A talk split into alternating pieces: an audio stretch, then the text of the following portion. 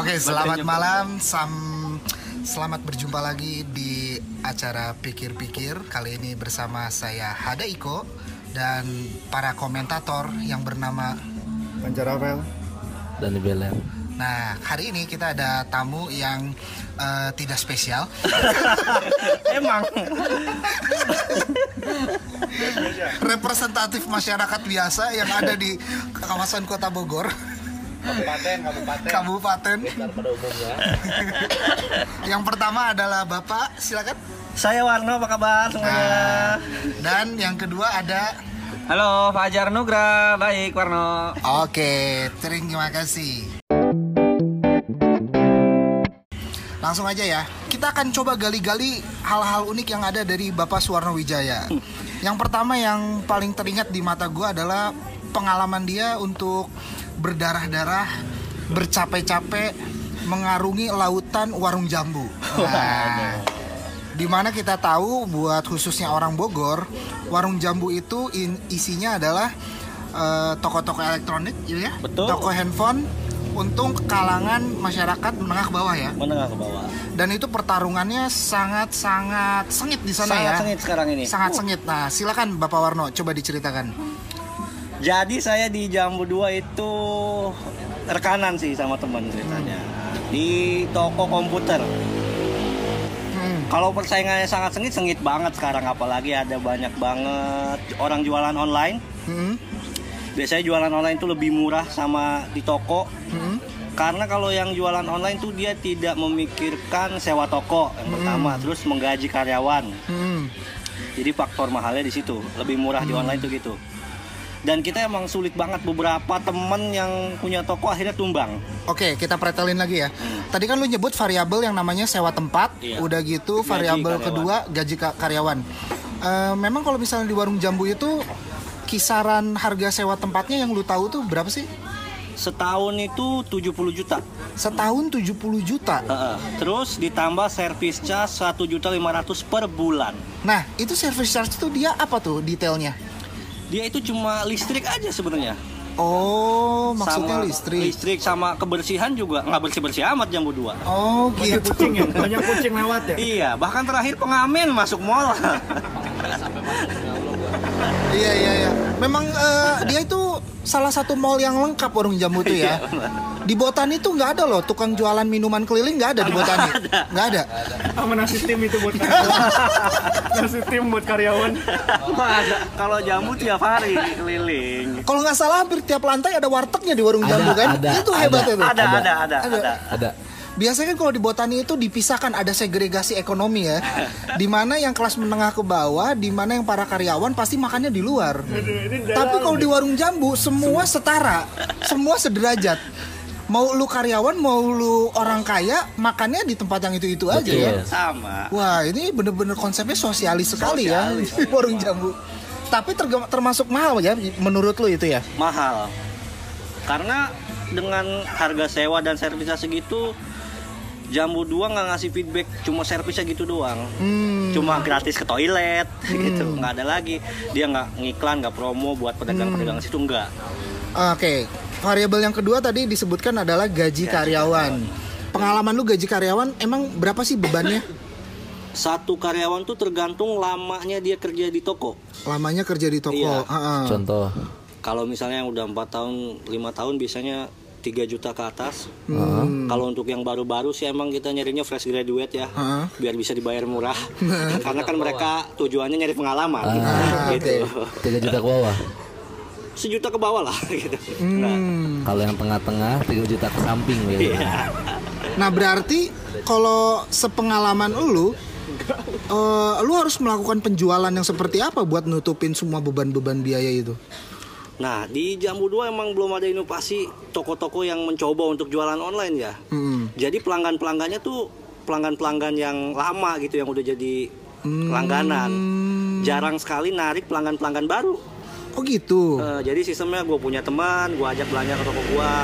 Ntar Oh. temennya dia lagi, ajak temennya lagi, gitu. Oh. Oh berarti sepengalaman lu itu pembelinya itu mukanya itu-itu aja. Itu itu aja. Oh iya iya iya iya. mungkin itu kenapa kalau gua ke warung jambu itu selalu ditawarin orang ya. Karena muka gua kelihatan baru kali di sana ya. Iya pasti. Bisa Ayo. Kak, silakan kak HP-nya kak. Soalnya kalau yang udah lama kita udah tahu, wah ini mah pelanggan si toko ini, ini mah pelanggan toko ini, gitu. Gitu. Ya, berarti solusinya bagi Anda yang ingin ke warung jambu, belilah topeng muka warno. Nah, anda tidak akan ditawari di teriak-teriak ya. Bisa pasti dapat Kalau yang baru tuh. pasti teriakin boleh kakak. Kalau yang udah lama boleh bro. Udah gitu. Banyak penipuan bang hati-hati jambu. Wih sembarang. Wah, Serius apa gua. itu penipuan? gimana nih kalau ah kan eh, ininya apa namanya eh, stereotipnya adalah kenapa orang males beli langsung di tempat itu karena mereka relatif takut ditipu harganya, takut eh, harganya terlalu mahal. Sedangkan kalau online itu mereka lebih punya kebebasan untuk ngebandingin harga antar toko. Nah itu eh, pendapat lu dengan kondisi itu gimana? Ya ini sih karena emang image jam 2 yang dulu tuh Karena orang nyerpi sering dikerjain. Karena dulu kan masih banyak orang-orang awam Internet juga belum banyak. Hmm. Jadi orang masih buta harga. Jadi dulu dikerjain harganya. Kalau untuk barang-barang sih sekarang orang udah bisa ngecek ke internet Tapi kalau untuk servis orang nggak tahu harganya tuh Ah, karena Jadi, spesifik tiap orang Spesifik, beda-beda. Jadi Iya. bisa dimainin harga di situ Oke. Gue pernah ketipu tuh bang. Eh bangke Gimana tuh pengalaman Dani Beller Gue ketipu? pernah nyarpis laptop diinstalin powerpoint pas gue lihat nggak ada poinnya bangsa. Anjing. Powernya doang. Lu apaan Ca? Iya. Lu gimana lu? Tapi waktu SD juga dulu pernah gue ketipu servis pas servis HP. Jadi eh servis nih hari pertama kan tukeran nomor kan. Pas udah pengen diambil tiga hari kemudian tuh tokonya tutup mulu. Tiga hari seminggu tutup mulu tuh toko tuh. Nggak nggak tahu tuh apa jadi ke mana gitu orangnya. Kata orang sebelahnya sih, oh itu mah emang gitu. Terus katanya, oh itu coba tanya ke toko yang itu tuh temennya gitu-gitu. Susah diusutnya juga sih.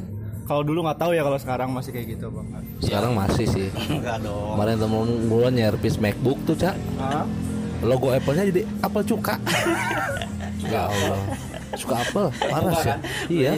Logo jeruk kalau itu mah Apple gigitannya jadi dua ya gigitannya. Lanjut lanjut no. Gua kira logo Apple-nya jadi apel.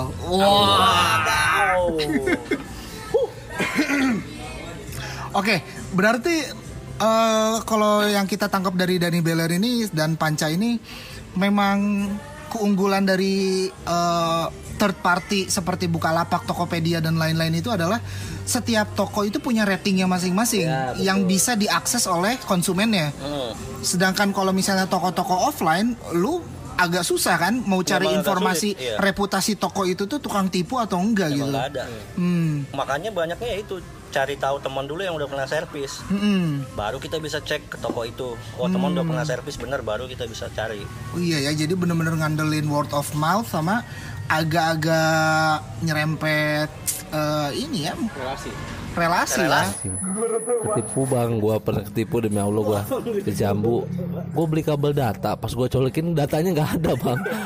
Anjing kata gue lu gimana sih no nipu lu? itu lu beli kabelnya Polos ya. doang Edan sih ya. Tipu lagi cak gue. Kasihan juga. Ya. Kabel. Tapi mungkin kalau gua tanya ke apa dulu gua pernah ini sih ngobrol sedikit sama nyokap gitu. Kenapa lebih suka beli di warung jambu karena toko offline lah. Iya. Karena eh, keunggulannya adalah kita bisa lihat fisiknya langsung gitu Ya, sebelum deal. emang itu salah satu Kita bisa apa? Bisa cek dulu gitu kondisi HP-nya sebelum kita bayar. Kalau nyokap gue sih bilangnya gitu. Iya sih, tapi memang tantangannya kalau lu beli online itu adalah nyari informasinya lebih ekstra kerja keras. Ah, iya. Kayak gue pribadi kalau misalnya mau beli handphone bekas, pertama tipe handphonenya dulu harus gue cari. Dan itu gue akan cari reviewnya di YouTube. Sampai gue ngambil kesimpulan umum, ini handphone eh, tipenya cocok atau enggak. Abis itu eh, dia, gue akan cek barangnya dan ngebandingin. Semakin lengkap foto yang disajikan untuk HP bekas, itu gue semakin yakin karena gue bisa tahu semua sudut-sudutnya. Jadi kalau misalnya lu udah nyaman dengan melakukan hal-hal itu, wajar sih banyak orang lari ke toko-toko online.